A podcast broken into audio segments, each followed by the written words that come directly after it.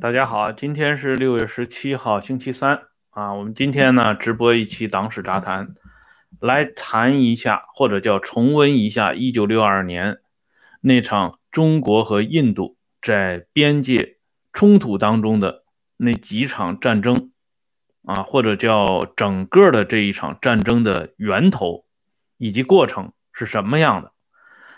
因为最近啊，在六月十六号，我们都知道。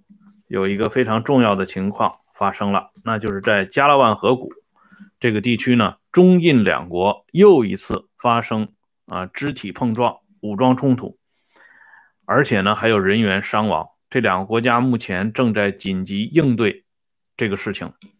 加勒万河谷和红山头地区，它是位于中印边界西段，新疆阿克塞钦西部。在喀拉昆仑山和冈底斯山区，这个地方呢是山高坡陡，交通不便，高寒缺氧，荒无人烟。而这个加勒万河谷，它是在中印边界当中两个著名的不能触碰的红线之一的约翰逊线啊。那么，约翰逊线和大家。耳熟能知的麦克马洪线，它们的源头或者叫历史的沿革又在哪里呢？今天呢，我们一开始就给大家呢讲一下历史上的这些小故事，便于大家了解中印边界的啊这个曾经发生过的那么多不平凡的往事。中印两个国家有三段边界，东段呢是沿喜马拉雅山脉南路六百五十公里。中段呢是沿喜马拉雅山脉四百公里，啊，西段呢是沿喀拉昆仑山脉六百五十公里。在一九一四年三月，当时英国的爵士麦克马洪诱迫西藏代表下扎，在一个印藏边界东段东边界线的地图上签字。签字的结果呢是等于把边界线向北推移了一百多公里。这样呢，麦克马洪线划定的这个范围就包括门隅、洛隅和下察呃下察隅三大地区，多达呢九万多平方公里。这是我们在上学的时候都知道的麦克马洪线。谢谢这位朋友啊。那么还有一个约翰逊线，约翰逊线呢是早于麦克马洪线。缘起时间在公元一八六五年，这个时候呢，是在英国已经进占了拉达克地区啊。拉达克地区我们都知道是在这个印巴最有争议的科什米尔，是科什米尔的一部分啊。一八六五年，英国派遣印度测量局官员约翰逊进入新疆南疆地区，通过勘察。然后呢，绘制地图，把新疆的阿克塞钦、羌陈、摩诃谷以及喀拉昆仑山以北广大地区划入英属印度的科什米尔版图，这就是著名的约翰逊线。而这一次呢，这个加勒万河谷的冲突就在约翰逊线当中啊。那么这两个国家呢，在就麦克马洪线和约翰逊线这个问题上，一直是各执一词啊。中国历任政府没有承认过麦克马洪线和约翰逊线，而印度方面呢，特别是在一九四七年印度独立之后，他始终沿袭英国人的称呼啊，仍然认定麦克马洪线和约翰逊线是印度天然应有的自属的领土。这个事情呢，其实啊，之所以这个公说公有理，婆说婆有理，其根本一点呢，还是苏联的领导人赫鲁晓夫一语中的。赫鲁晓夫在自己的回忆录里边呢，向大家讲述了一个非常有意思的事情，就是说他曾经作为啊中国和印度之间。冲突的最大的调停人，啊，出现在北京，同毛泽东他们呢唇枪舌剑，啊，两下呢发生了争执，这是中苏关系破裂当中的一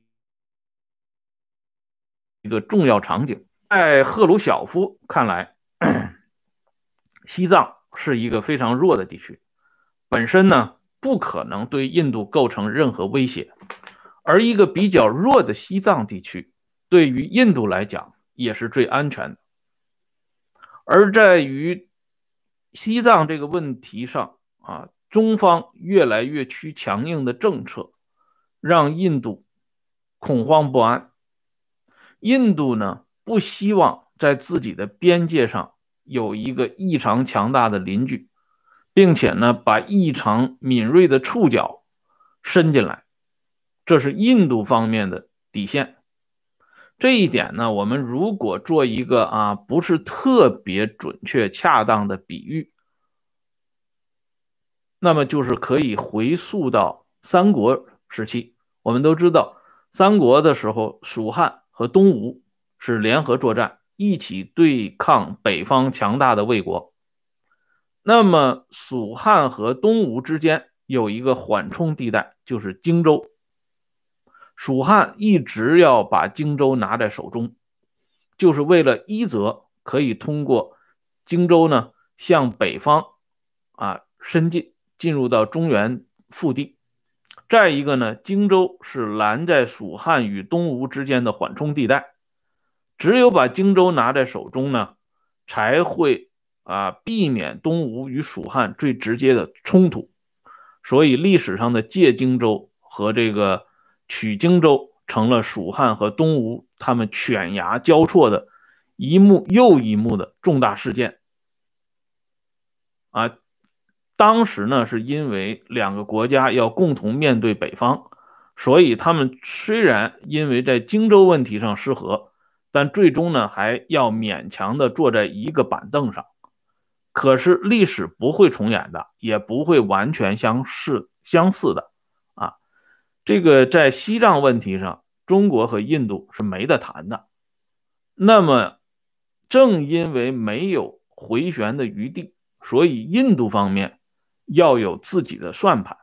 他的算盘就是用蚕食的办法。要求中方必须承认麦克马洪线和约翰逊线的合法性。于是呢，在一九五三年以后，印度呢基本上占领了门隅、洛隅和下察隅各地。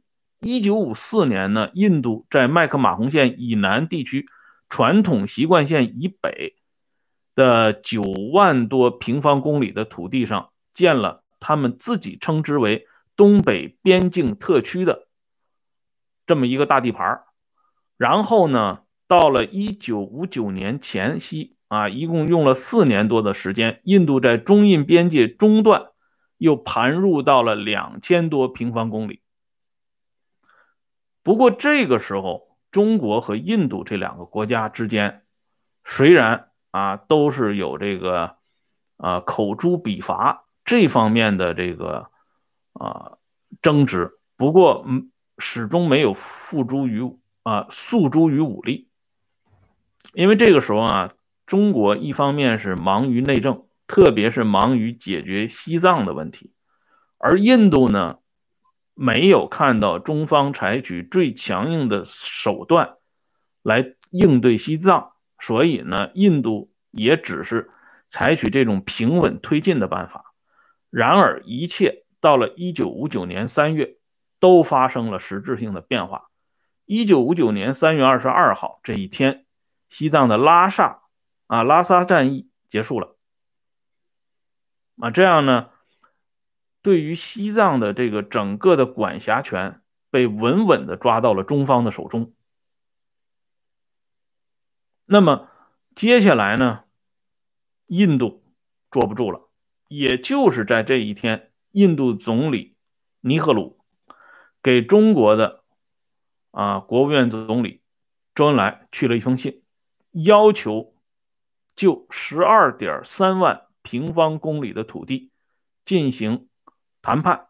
其谈判就是要求中方要把这么大一块土地用合法的手段赋予印度，其实这些土地呢，印度已经占上了啊，他只不过是要确认一个手续问题。那中国当然不会同意了，而且呢，他还追加了一些，这样呢，整个的这个土地面积是十二点五万平方公里，相当于中国一个福建省。啊，你这个已经占了便宜，你还要卖乖，这个中中方是绝对不能承认的。而印度当时援引的根据就是苏联向印度提供的关于外蒙古自治的有关文献材料，所以中国看到之后呢，更加生气。一则呢是生这个。苏联的气啊，我们还是这个兄弟国家，你居然向印度提供这样的东西。再一个，你这个生印度的气啊，你印度算老几啊？你能跟苏联相提并论吗？对吧？哎，直到今天，我们的专家啊，南亚问题专家程希忠先生不也说吗？印度的国力不及中国五分之一啊，印度。发展到了今天这一步啊，都号称是被我们的这个外交部的领导称之为十亿级的新兴力量啊，居然呢还不及我国的啊五分之一。那可以想见，在公元一九五九年、一九六二年的时候，印度那个时候该是多么的弱啊！所以呢，中国非常生气，但是光生气还不能解决问题。这样呢，印度一看。中方拒绝了，就在一九六一年和一九六二年九月，在西段边界上建立了多达四十三个据点，又盘入了四千多平方公里的土地。这时候呢，我们要注意到两个重要的前提，就是说，印度之所以紧锣密鼓的啊，把中国的土地呢往他的地盘上转，再一个呢。敢于用公开信的方式来试探中方的底线和气度，主要是源自于两个背景。一个呢，刚才我已经说了，这个中方在西藏问题上已经收拢五指，把西藏呢稳稳的抓在手中。之前对西藏的一些规划，让印度啊有一种这个。刀枪入库，马放南山的感觉，这个时候忽然之间，一夜之间都不见了。现在呢，是正是以一个强大的力量向世界宣示，西藏是中国的，是不可分割的一部分。谁要是敢在这个问题上说三道四，那是啊，绝不会跟你客气的。这是让这个印度非常紧张的一个重点。再一个呢？背景是什么呢？中苏之间失和的苗头已经越来越强烈，这种强烈的信息呢，不断的飘入印度高层，包括像尼赫鲁这样的人物。而苏联方面呢，由于有汉于在历史上英国打败沙俄，取得对西藏和新疆的一大部分的勘测权。和统辖权以及划分权，这样呢，苏联在进入六十年代之后，不断的与印度修订双边关系，两个国家的这个关系呢迅速升温，甚至可以说进入到蜜月期。赫鲁晓夫在下台之后，他在口述的这个回忆录里边还一再的强调，尼赫鲁他不是。社会主义国家的敌人，而是社会主义国家的朋友。因为尼赫鲁自己就承认，他要把印度建成一个社会主义类型的国家，所以呢，他把印度看成是他对抗西方世界的一个重要的桥头堡和基地。苏联和印度的关系啊，其根基就奠定于此。那么，在这个呃中印边界冲突的问题上，赫鲁晓夫自然而然要坐到印度这一边。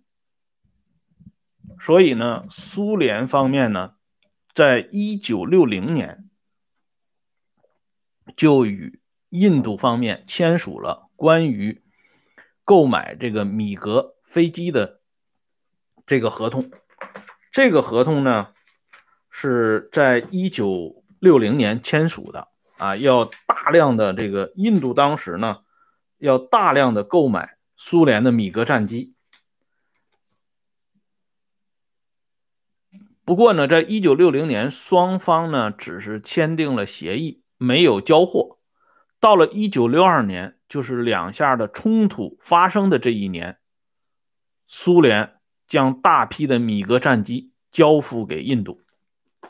啊，这个历史呢，永远是照亮着这个前行的步伐的。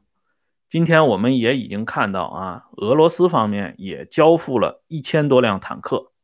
啊，还有其他的这个，呃，战备物资、重要战备物资，以及之前我们熟知的苏五十七这种新型的啊杀伤力极大的战机，印度一次性购买一百六十架。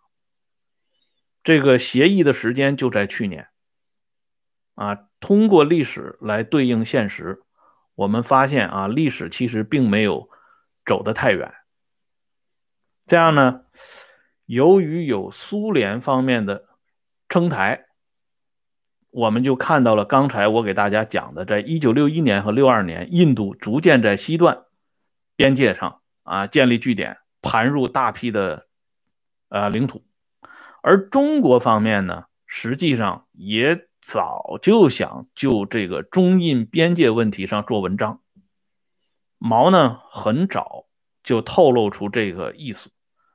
啊，特别是在一九五九年三月份以后，把西藏呢完全抓到手里。但是为什么把时间点选在一九六二年呢？特别是在这个一九，我们知道这一次啊，中印边界战争呢，它是整个是在一九六二年十月二十号持续到十一月二十一号，一个月零一天的时间。那为什么要选到十月下旬开刀问斩呢？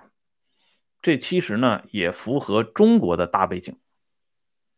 中国的大背景，简而言之，就是一九六二年九月十七号，在中南海怀仁堂，毛泽东召开会议来讨论中印边界冲突。当时呢，这些重要的领导人，刘少奇、周恩来，以及几个著名的元帅贺龙、聂荣臻、陈毅。都与会，并且呢，各大中央局，就是六大中央局的第一书记也参加了会议。参加了这次会议之后不到一周的时间，又有一次更为重要的会议开幕了，那就是九月二十七四号到九月二十七号召开的中共八届十中全会。在这一次全会上，毛泽东重提阶级斗争。并且呢，毛泽东宣布，我们要在两条战线上进行不懈的斗争，一条战线叫反修正主义，一条是战线是反教条主义。那么，对印作战以及对苏强硬，都被毛看成是反击修正主义的重磅炮弹。于是呢。这个中国方面呢，对印度边界问题上一下子就强硬起来了，啊，以往的那种啊只言片语已经不管用了，这回准备用真刀真枪来比划了。那么当时呢，就苏联方面，赫鲁晓夫方面，他是不不赞成的。啊，因为他认为这么搞下去，会影响苏联整个下的这盘大棋，但是中方呢对此不予理会。啊，苏联那个时候呢，啊，让米高扬他们这些人几次同中方进行沟通，就是说你们不要采取过激的行动。印度是小国，印度的装备差，啊，武力弱。他们也没有打过大的战争，而你们呢？从这个一九二七年一直打到一九五九年，三十多年的战争啊，比印度有经验多了，而且你们还拥有了一大批的精兵强将。你这样呢，以大凌小啊，以强侵弱，这在国际道义上是说不过去的。苏联当时是向中方传递这样的信息，但是中国方面呢，一再强调的是，印度现在啊，对于本属于中国的这个领土进行如此的这个侵凌，是我们绝对不能够容忍的。如果中国政府容忍这样的行为，我们就跟历史上的满清政府是一模一样了。啊，对于全党全军全国各族人民，我们是交代不过去的。这是中国方面的这个 回复，而且呢，就在回复的同时，中国这边开始调兵遣将，主要调动的是大家后来熟知的一个中将，一个少将，啊，当然是指主要的这个将领，中将呢。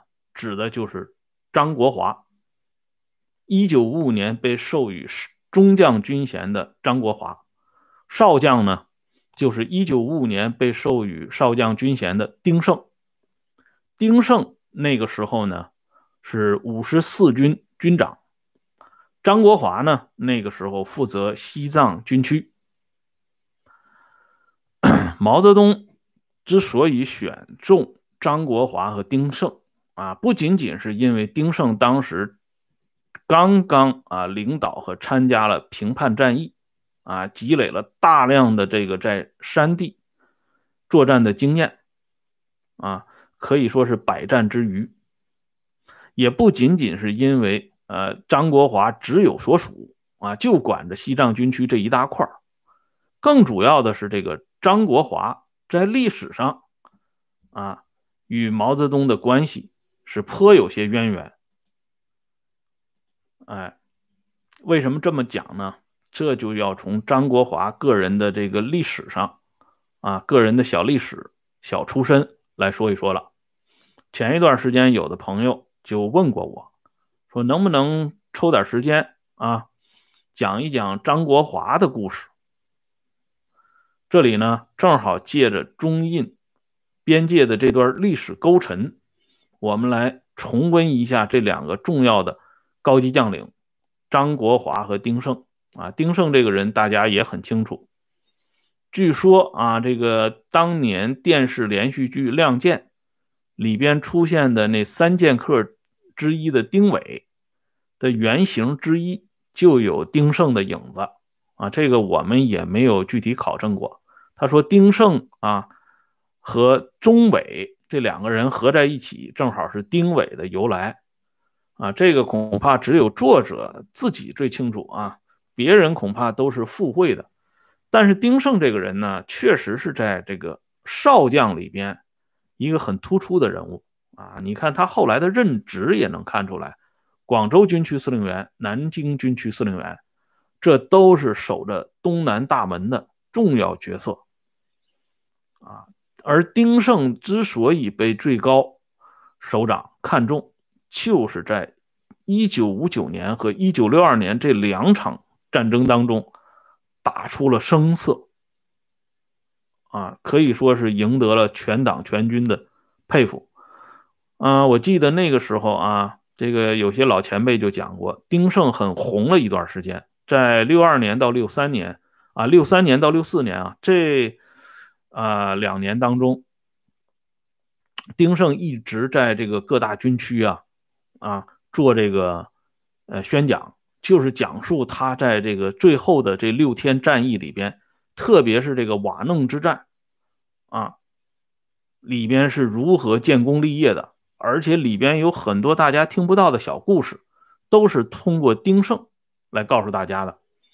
再一个呢，张国华。是著名的西山口战役的领导者、策划者和指挥者，所以毛用了这两个人啊，可以说是在中印边界冲突战争里边用对了。这两个人呢，都做了最好的发挥和最好的这个啊演出，非常漂亮。那么毛泽东为什么要选张国华？毛和张国华他们之间有什么样的历史的渊源？这个话题呢，我要留在明天跟大家详细来讲一讲张国华和丁晟他们的履历，以及他们在中印冲突过程当中他们的出色的表现。啊，这是很有意思的一个故事，特别是丁晟给我们讲的很多的这个背景资料，在今天来讲仍然具有现实意义。啊，就是说当年的错误仍然在重蹈，而当年的优点呢，现在目前还没有看到。所以，我们讲历史，其实就是为了昭示啊现现今。也是为了更好的看清楚未来，啊，否则历史就无处安放了，啊，好了，今天呢，咱们这个话题就是暂时的说到这里，谢谢朋友们上来观看，啊，我们明天同一时间接着聊，再见。